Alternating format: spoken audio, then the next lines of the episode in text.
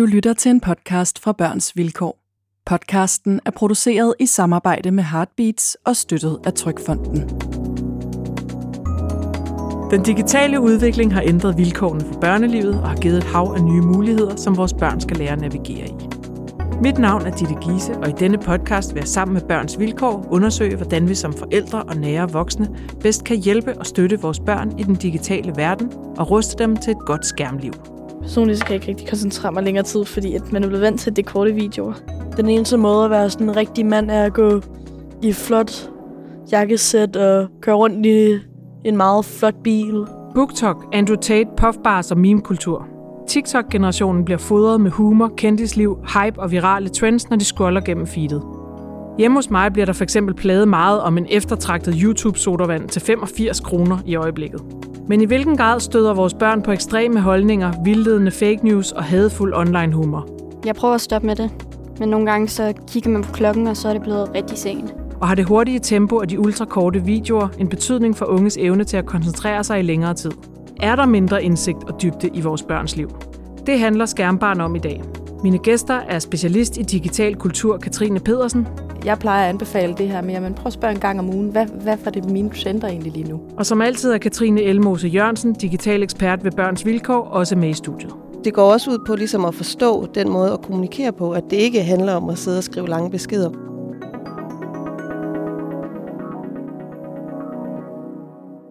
Man lægger ikke mærke til, hvor lang tid man bruger, fordi man tænker bare, at videoerne de er jo meget korte. Så man ser lige pludselig rigtig mange af dem, for man kan bare ikke stoppe. Og så bliver man sådan afhængig af det på en måde. Kan du huske, hvad du har set bagefter så? Nej. Altså nogle gange, når man scroller op igen, så er man sådan, har jeg set den video? Men øh, det må man så have haft gjort. Hvad tænker I om de der hurtige, korte videoer? Altså, jeg tror, det er noget med, at det hele tiden ændrer sig, og der hele tiden kommer en ny video. Så for eksempel, hvis du ser en film, så kan man måske synes, det er lidt kedeligt eller sådan noget på et tidspunkt. Men fordi der hele tiden kommer nye videoer, og de er alle sammen så forskellige, at så bliver det ikke så kedeligt, derfor man kan bruge så meget tid på det og blive afhængig af det. Det er sådan lidt tidsfordriv. Ja.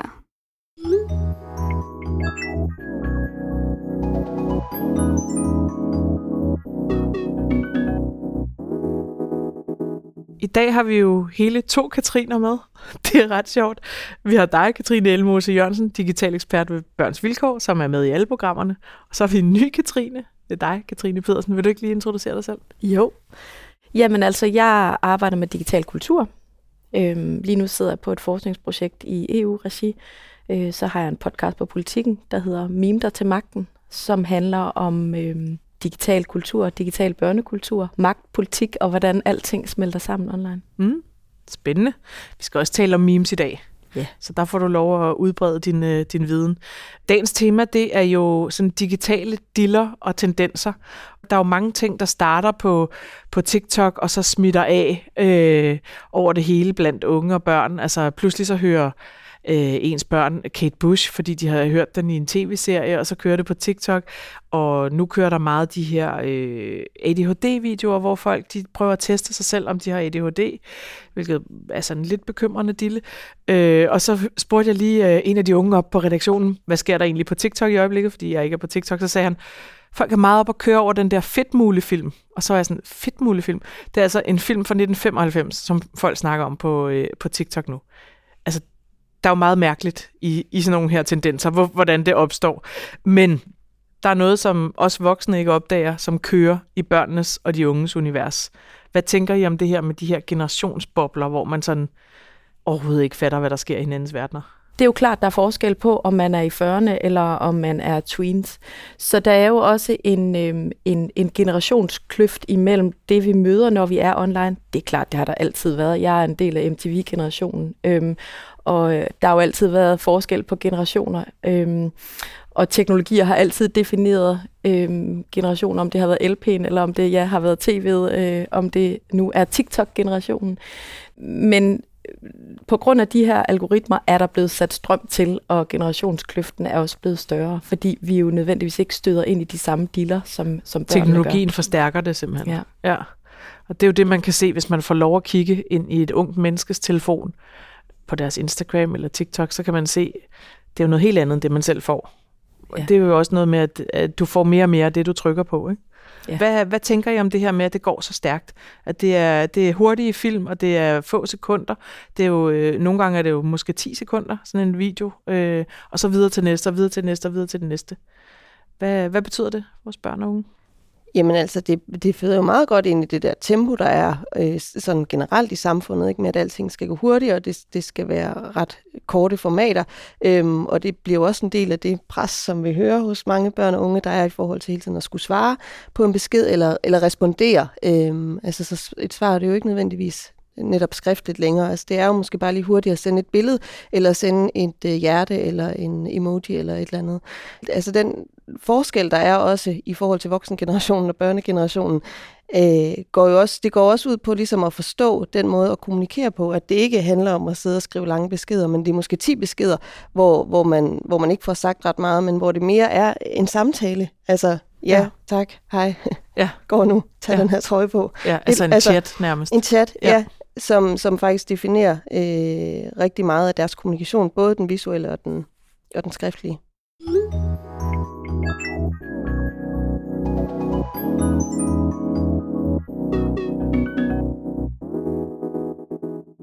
Jeg synes, det bedste ved TikTok, det er, at det er korte videoer. Øh, fordi at øh, personligt så kan jeg ikke rigtig koncentrere mig længere tid, fordi at man er blevet vant til, at det er korte videoer. Så det er meget rart, at man ikke skal koncentrere sig så meget. Um, det bedste ved TikTok, vil jeg nok sige, er at se, hvor sjovt mine venner har det. Det er bare sjovt og hyggeligt. Og det værste vil jeg nok sige, hvor afhængig af det man kan blive. For eksempel, hvis jeg skal i seng, men jeg, jeg kan ikke stoppe med at scrolle, så bliver det lige pludselig meget sent. Og det er ikke så godt. Ved dine forældre det godt? Nogle gange, jeg prøver at stoppe med det, men nogle gange så kigger man på klokken, og så er det blevet rigtig sent. Ja, så, der, så har du måske været på i flere timer, eller hvordan? Ja, tiden går rigtig hurtigt på TikTok, og det er ikke så godt. Men det er vel også et eller andet med, at der bare sådan er uendeligt mange videoer. Ja, og de er alle sammen lavet til dine interesser, så det bliver meget interessant. Mm. Hvad for nogle videoer får du sådan mange af? Er der noget sådan, TikTok virkelig har luret ved dig, og du synes er spændende? Jeg har fået rigtig meget sport, fordi jeg kan rigtig godt lide sport. Og så får jeg også meget musik og koncerter, og jeg spiller trommer og guitar, så får jeg rigtig mange opslag, hvor at jeg kan lære nogle nye sange. Så det er også noget godt ved det. En undersøgelse foretaget af Børns Vilkår viser, at næsten alle elever i 5. og 8. klasse er på sociale medier, og langt de fleste er online hver dag. I både 5. og 8. klasse er 9 ud af 10 på YouTube, som dermed også er det mest udbredte sociale medie blandt 5. klasserne. For uden YouTube er også særligt Snapchat og TikTok populært. En elev i 5. klasse er typisk på fire forskellige sociale medier, hvor barnet bruger to af medierne dagligt. Til sammenligning er en elev i 8. klasse typisk på syv forskellige sociale medier og bruger fire af dem dagligt. Undersøgelsen viser også, at 80% af eleverne i 8. klasse bruger TikTok.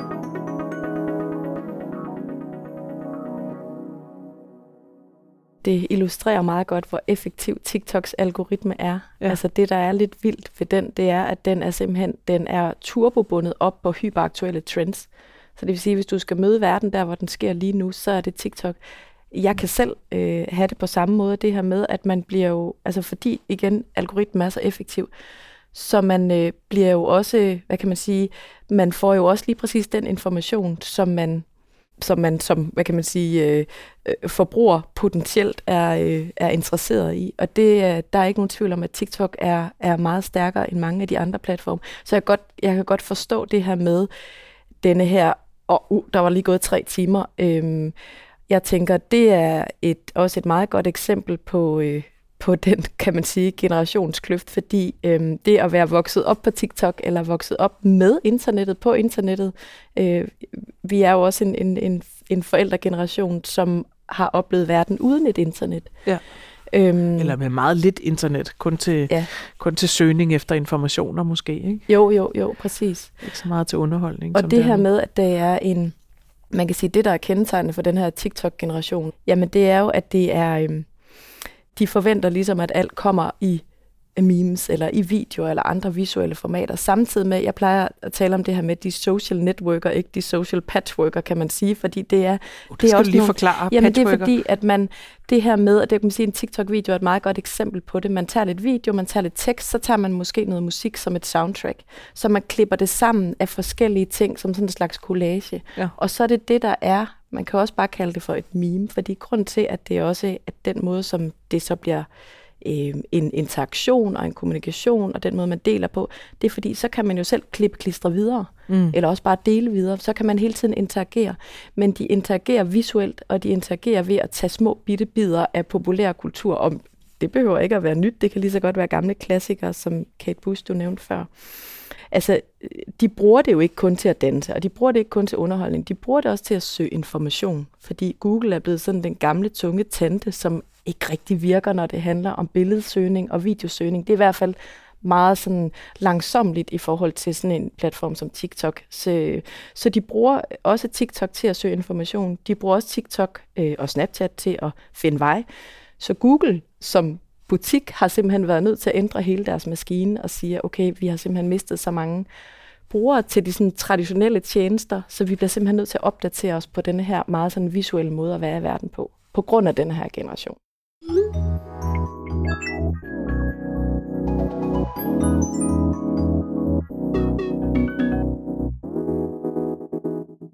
Det værste ved YouTube er nok, at der er utrolig mange reklamer, og tit er, det, er der sådan noget lidt hate-agtigt.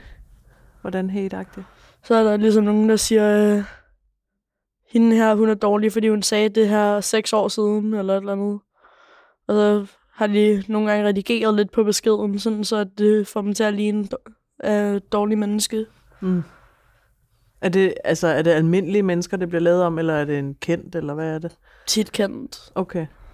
Eller det er ikke så tit, men det har jeg set en gang imellem. Ja, noget andet dårligt ved TikTok vil jeg nok sige, at stereotyperne. Ja. Der er rigtig mange stereotyper i forhold til for eksempel, hvordan du ser ud, og hvem du er, og sådan, om man er pæn eller ej. De er meget specifikke med det.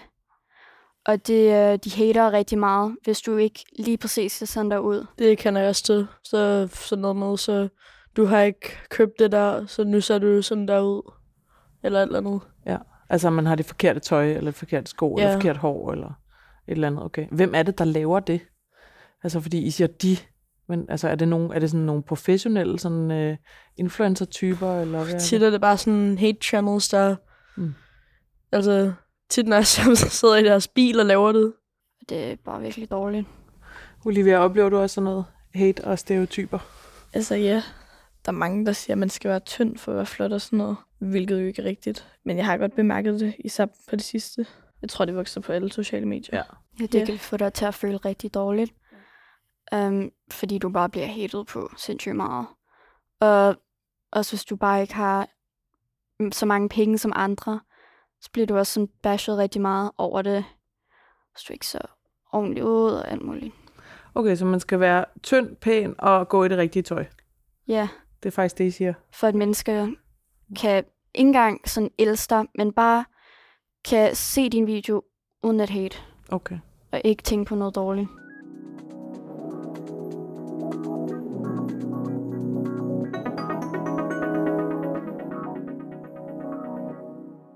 Jeg forestiller mig, at min far på 80, han også hører den her podcast, fordi han gerne vil lære noget om sine børnebørns ja. øh, verden. Ikke? Så hvis du nu lige sådan helt, helt basalt forklarer et meme ja. forfra, ja. hvordan vil du så forklare det? Man kan sammenligne det med en vidighed. Ja. Altså en, en, en, en gammeldags sådan, øh, øh, vidighed. Nu, nu, og der er jo nogle vidigheder, man synes er sjove, og der er nogle, man ikke synes er så sjove. Og det er jo også det, der ligesom er, der binder et fællesskab. Altså nu er jeg for eksempel fra Aarhus, så der er jo nogle vidigheder, som jeg måske ikke synes er så sjove, som andre synes er vildt sjove. Ej, det er okay, jeg synes, de er meget sjove. Men, øh, jeg men, er også fra Aarhus. sådan 80'er, 80'er vidt som Aarhusianer, ja, det er ikke det sjoveste hos jer. Det, var, det trendede virkelig dengang. Ja, ja, det, det kan også godt sikkert få en revival på TikTok. Altså det, der er kendetegnet ved et meme, det er, at man, man mimer noget, og man klipper noget ud, og så så, så det, bliver det først et meme, når der er rigtig mange, der deler det. Ja. Så det kan jo sige, en vidighed er bare et eksempel på det.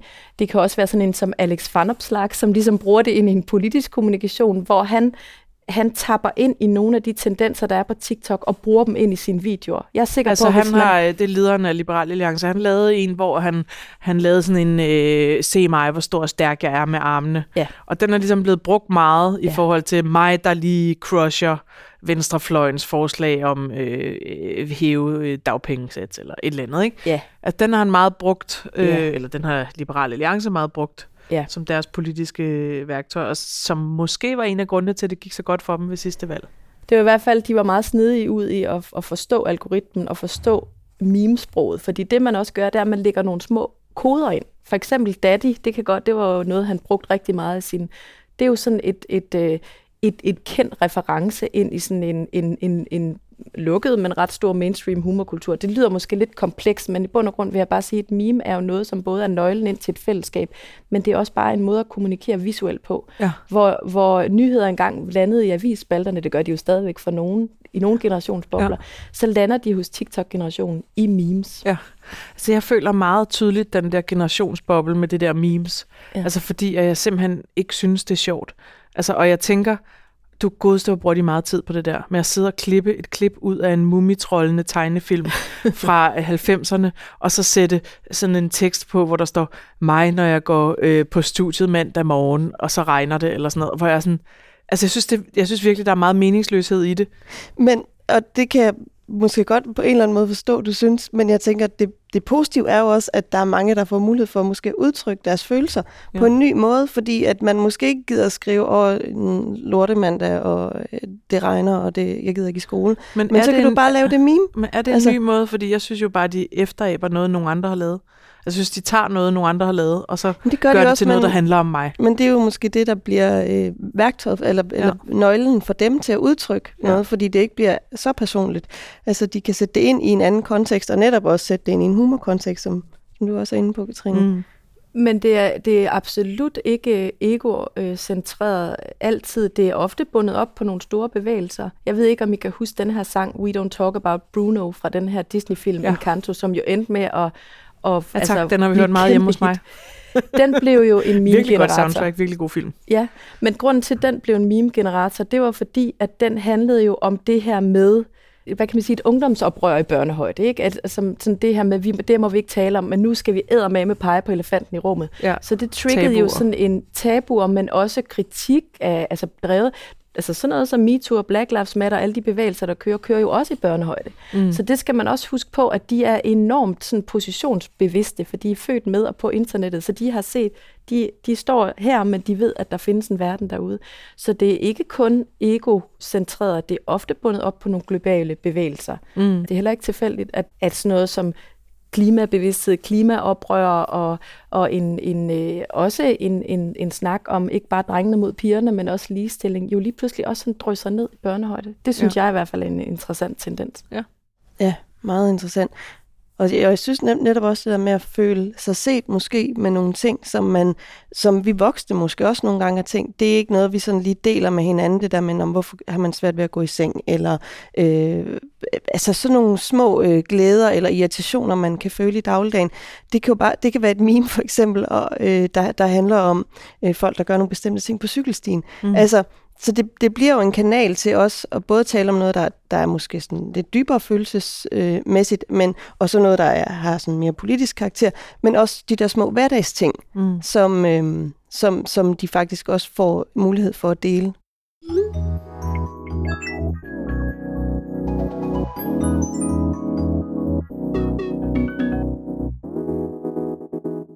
Mest basic meme, det er tit sådan en billede af et eller andet lidt sjovt, som en hund med et sjovt ansigt, og så står der noget over, eller en gif af et eller andet, så står der noget over. Tit, hvor der er nogen, noget tekst, der siger noget. Hvis I synes, de er sjove, synes de voksne også, det er sjove? Altså deler I humor omkring det med memes? Øhm, nogle gange er det svært for dem at forstå, hvad det handler om, fordi ja. de er ikke lige så unge, så de ved ikke lige helt, hvad det handler om. Men mange af dem forstår de godt. De forstår måske ikke referencerne. Nej. Okay. Ja, nogle memes har et sammenhæng med et eller andet, øhm, som vi nok ved noget om, men der er ikke så mange forældre, der ved om det, så vil de ikke helt forstå hele joken. Har I, øh, har I venner, som er begyndt at slette deres altså sådan sociale medier, TikTok og YouTube og sådan noget? Altså som sådan en modreaktion, hvis de synes, det har fyldt lidt for meget, eller taget for meget tid? Eller? Jeg kender ikke nogen, der har slettet noget. Altså måske synes de, at de skal det. Men jeg tror aldrig, nogen kommer til at slette det, fordi det fylder så meget i ens liv. Altså, jeg kender ikke nogen, der har slettet sociale medier. Mm. Øhm, altså, jeg bruger personligt nok selv nok for meget, fordi jeg bruger op til syv timer, måske mere nogle gange. På telefon, eller? Ja, på telefonen. Men det er fordi, at øh, det er bare let. Man har den med sig overalt, og man ligger derhjemme og keder sig, eller man er ude med venner. Så jeg har også selv tænkt over, at øh, man burde være bedre til at putte den væk og være i nuet, og ikke socialt. Ja. Så du vil egentlig gerne være mindre på den telefon? Ja. Har de sociale medier, de, de har vel noget at gøre med, at du er så meget på den? Ja, jeg føler, de har overtaget ens liv rigtig meget. Også, altså man snapper med hinanden, også selvom man er sammen. Men så snapper man alligevel med hinanden, fordi jeg synes personligt selv, at jeg bruger den for meget. Jeg tror også, at mange af mine veninder synes, at de bruger den for meget. Men med dig, Frederik, hvor meget tror du på telefonen? Jeg er sådan to til to og en halv time. Mm. Synes du, det er passende eller for meget? Eller? Synes jeg er meget fint. Altså, så bruger jeg helt klart meget mere tid på computer. I interviews med børn i 5. og 8. klasse fortæller flere, at de sociale medier er noget af det første, de tjekker om morgenen. En gruppe elever fra 8. klasse fortæller i et gruppeinterview, at de bliver vækket af en alarm på deres telefon, og at det derfor er nærliggende at tjekke telefonen. Bang out the machete, boom in her face, and then grip her up by the neck. Like, shut up, bitch! Do you think that women are property? I think my sister is her husband's property, yes. When a bride is walking down the aisle to marry the groom, the father walks next to her and gives her away. Noget, som har været sådan lidt øh, skræmmende at læse om, det er ham her, øh, Andrew Tate. Jeg ved ikke, om I har, I, I ved sikkert rigtig meget om ham, men han er sådan ligesom, altså skal man kalde ham en hadtaler, eller hvad, hvad kalder man sådan en? Han er sådan, han er jo en influencer, øh, øh, og, men et, også et forbillede for enormt mange børn og unge måske især øh, drenge og unge mænd, øh, og taler jo meget sådan øh, hårdt om kvinder for eksempel. Øh, hvad tænker I om den her tendens med, at han har fået altså, så godt fat i de unge? Jamen jeg tænker, han er jo i hvert fald også på en eller anden måde lidt et udtryk for den her kløft, fordi at øh, stort set alle voksne øh, synes jo, at altså forarves jo over ham, og synes, han er, at det er forfærdeligt alt, hvad han siger om, om særligt om kvinder, mm. øh, hvilket det jo også er. Men for mange unge øh, drenge og mænd især, der appellerer han jo til et eller andet. Øh, og, og, og, og på en eller anden måde, så taler han jo ind i øh, måske en ensomhed eller en mistrivsel hos nogle øh, unge drenge og mænd, øh, som, som måske godt ved, at han taler nedsættende om kvinder, men måske hæfter sig ved, at øh, han har store muskler og har en masse biler. Og, og en masse penge. Og en masse penge, og på en eller anden måde øh, kommunikerer, at han har succes. Ja. Øh, og det er jo også noget af det, de fortæller, nogle af de øh, unge drenge og mænd, som, som er betaget af ham, at, øh, at de synes, at det her med bare at fokusere på hans kvindehad, det bliver mm. taget øh, ud af en kontekst, ja, han fordi er jo han også alt muligt en form andet. for selvhjælpsguru, eller hvad Det- man skal det sige. Altså, fordi han, det er også meget sådan noget med, øh, øh, altså, du, du, skal, du skal gå efter succes, og det individuelle, og alt sådan noget, ikke? Jo, og du skal gøre op mod og gøre op med, med, med den øh, rolle, du måske har som mand, som, som han jo taler om, er en undertrykt rolle, og at øh, kvinder og feminisme øh, fylder mere og mere. Mm. Altså, så, så hvis man som ung dreng måske synes, at der er nogle ting, der er svære, uden at det nødvendigvis handler om, at det er svært at få en relation til en pige, eller Mm. et eller andet, så, så fanger han jo, øh, kan fange rigtig meget af det, øh, fordi at der bliver skabt et fællesskab. Men der medvirker de sociale mediers algoritme vel også mere til at hjælpe ham med, at så, så pludselig Ja, helt så, så breder hans budskaber sig helt vildt. Ja, og det er ikke plus, pludselig, det er kynisk tilrettelagt. Vi skal Ja. måske lige sige, at han er, er anholdt og sidder, har siddet i fængsel og nu i husarrest for voldtægt og Ja. human trafficking. Det, der er en bevægelse, som vi ikke ser så tydeligt. Øh, MeToo har været meget, hvad kan man sige, ikke under radaren, men noget, der har været i hashtags og noget, der har været tydelige. Men de her højre radikale bevægelser, som er en mod, kult, modreaktion til MeToo, er meget foregået sådan under radaren. Og han er en del af det. Han har betalt over 100.000 drenge for at dele den type indhold. Og det har han jo gjort. Så man betalt dem penge for det? Det har han. Okay. Han har jo en industri. Altså det er det, man ikke lige, det, det, det, er det, der, det er det, der er lidt af forskellen på ham og andre influencer. Det er, at han har en industri, som øh, tidligere hed det Hustlers University, nu hedder det The Real World. Det, der ligesom er hele, det der er essensen af det, det er, øh, nu skal vi lukke munden på alle de her feminister. Øh, kvinder skal, han, han anbefaler blandt andet, at man har et svær, så man hele tiden kan manifestere, at man er herren i huset. Mm-hmm. Øhm, og det er jo sådan nogle symboler, han bruger. Han bruger nogle krigsreferencer. Han, øh, så, så det, der er ved det, det er, at han har, han har ligesom mobiliseret sådan en drengene mod pigerne i børnehøjde. Ikke? Ja. Så har, har jo i den grad øh, den effekt, det har haft, det er en polarisering, som man mærker rundt omkring i skolerne. I England har man jo simpelthen øh, været ude og øh, lave afradik- afradikaliseringstiltag i skolerne, fordi det er så stort et problem. Altså på grund af ham På og grund af hans... ham. Øh, ja. og fordi at en ting, Altså fordi det smitter af Fordi- på drenge og pigers forhold ude i virkeligheden. det her, det er jo sprog, det er jo retorik, det er jo en måde, man taler, og hvordan man ligesom øh, altså, øh, udskammer og taler om, at kvinder er på en bestemt måde, og piger er på en bestemt måde, og laver denne her meget sådan kønsstereotype ja, måde at tale på.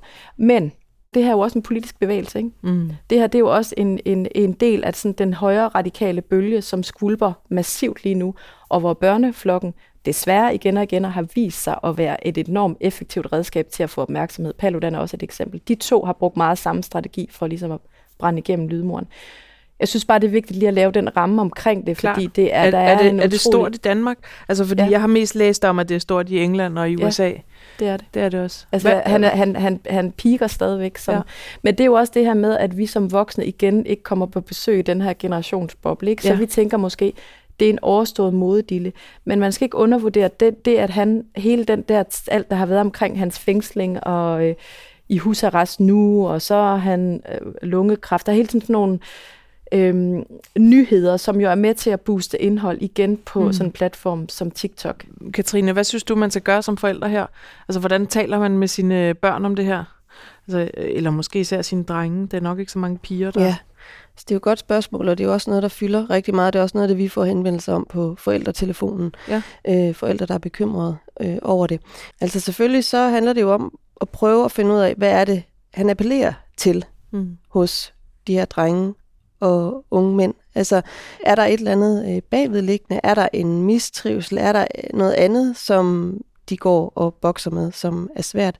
Så er det jo også vigtigt, at man som familie prøver at, at, at være mere opmærksom på, hvad er det måske også for nogle køns øh, opfattelser, som hersker i vores familie, øh, uden at det behøver at være så ekstremt, som at man øh, kalder kvinder nedsættende ord, og er så øh, frygtelig over for kvinder, som Andrew Tate jo er. Men hvad nu, hvis man øh, har en øh, 15-årig dreng, der, hvor du pludselig ser, at øh, han sidder altså og ser ret mange videoer med ham der Andrew Tate, og han begynder måske at snakke lidt om, om han har også ret i, at, at øh, vi, nu gider vi ikke høre mere om det der feminisme-fis. Og sådan.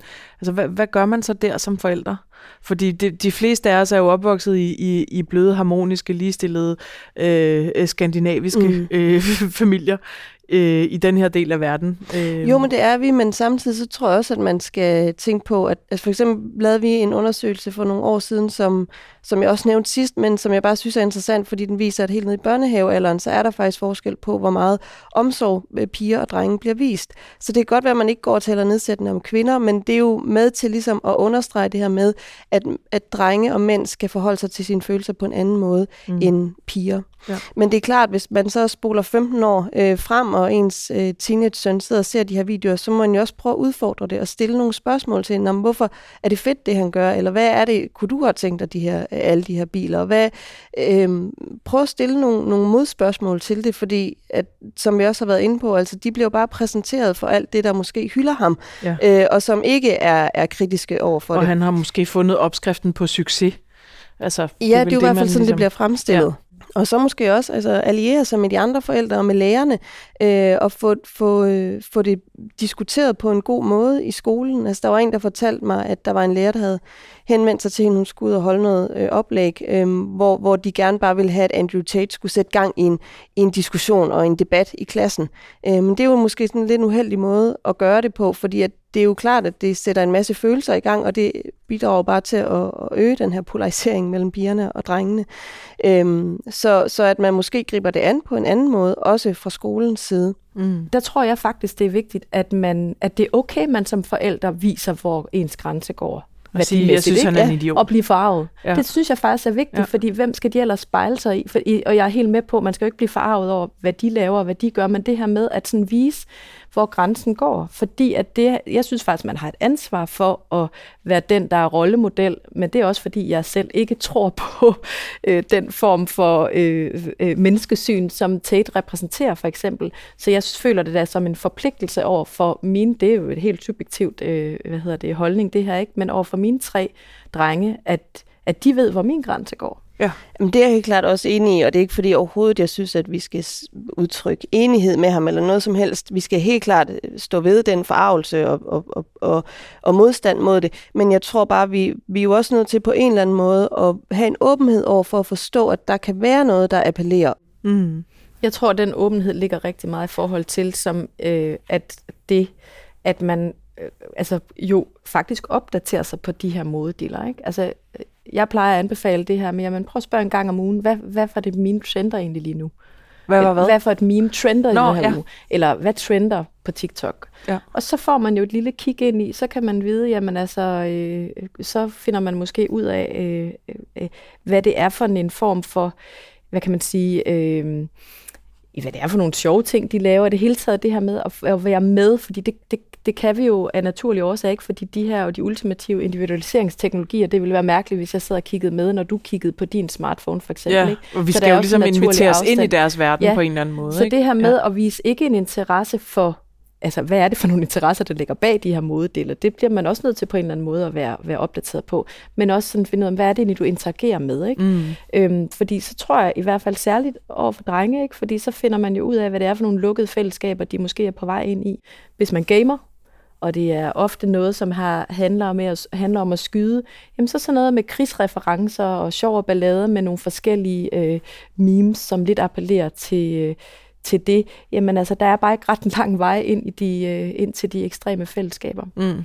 Så hvordan øhm. skal man tale med, med sine gamerbørn om det? Jeg tror, det er vigtigt i dag at forholde sig til, hvad er det for en populær kultur, de interagerer med og i, og hvornår er det politik og politisk grooming og forskellige andre øh, øh, krig. Øh, altså øh, Hitler-memes er stadigvæk nogle af de mest populære.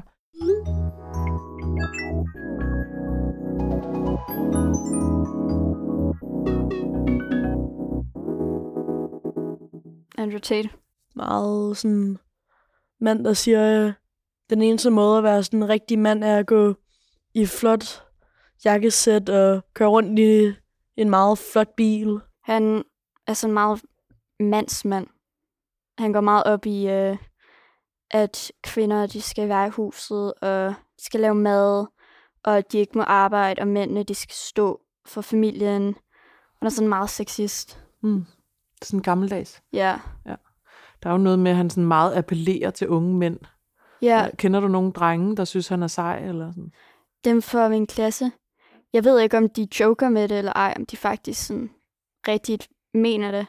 Men altså, de siger alt muligt om, at han er deres held og sådan noget. Eller det gjorde de i hvert fald, når han var stor.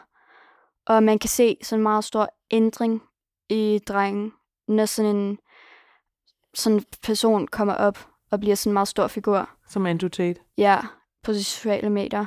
Og få dem til at prøve at øh, ændre deres mening på ting. Og Hvordan ser få, til at følge ham. De siger i hvert fald, at de vil prøve at være ligesom ham. Og øh, gerne vil være som ham, når de bliver større. Han er deres held og alt muligt. Og at hvad han siger er rigtigt, og de følger ham. Og det er ikke så sjovt at høre. Mm. Bliver du sur eller ked af det? Eller? Jeg bliver nogle gange lidt sur. Altså, jeg siger det ikke, men det er altså ikke så sjovt at høre, at øh, kvinder, de ikke må have en passion, og at de bare skal følge mænd. Det gør mig lidt sur. Frederik, hvad tænker du om det? Der er jo mange øh, drenge på din alder og op, måske lidt ældre, der synes, at sådan noget er spændende. Jeg er ikke rigtig en fan af ham. Hvorfor ikke? Altså, mest af man er lidt sexist. Kender du nogen drenge, der synes, han er sej? Ikke rigtigt.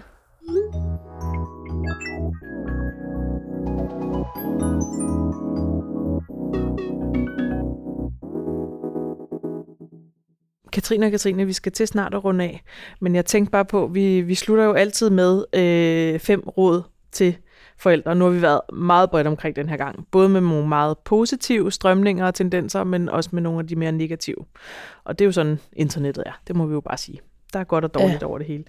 Øh, hvis vi nu skulle opstille fem gode råd til forældre om, øh, hvordan man kan hjælpe sine børn og unge, og hvordan man kan orientere sig i deres verden. Lige holde en lille smule øje med, hvad det er, der foregår. Hvad vil I så sige?